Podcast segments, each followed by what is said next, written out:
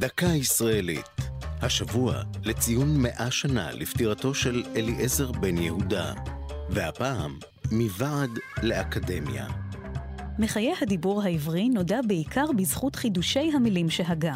אולם, בן יהודה לא הסתפק בכך, ופעל בחזיתות שונות כדי לקדם את השימוש בשפה המתחדשת. בן יהודה הבין שכדי לחולל מהפכה של ממש בשפתו של היישוב היהודי בארץ, לא די בפעילותו האישית, אלא יש צורך בפעילות רחבה ומשותפת למען הפיכת העברית לשפה מדוברת. כך יזם הקמת אגודות ועמותות לקידום הדיבור העברי. ב-1890 קם ועד מרכזי לטיפוח השפה, שנקרא ועד הלשון העברית, ובן יהודה נבחר לנשיאו. הוועד פעל בין השאר לקבוע תקנים אחידים והציע מילים חדשות.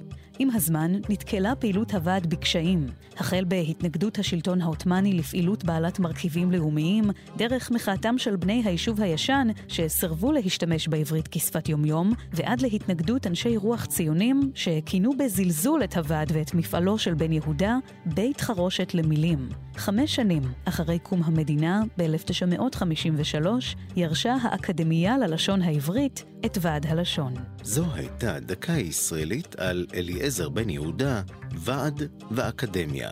כתב ניב ורובל. ייעוץ הפרופסור משה בר אשר.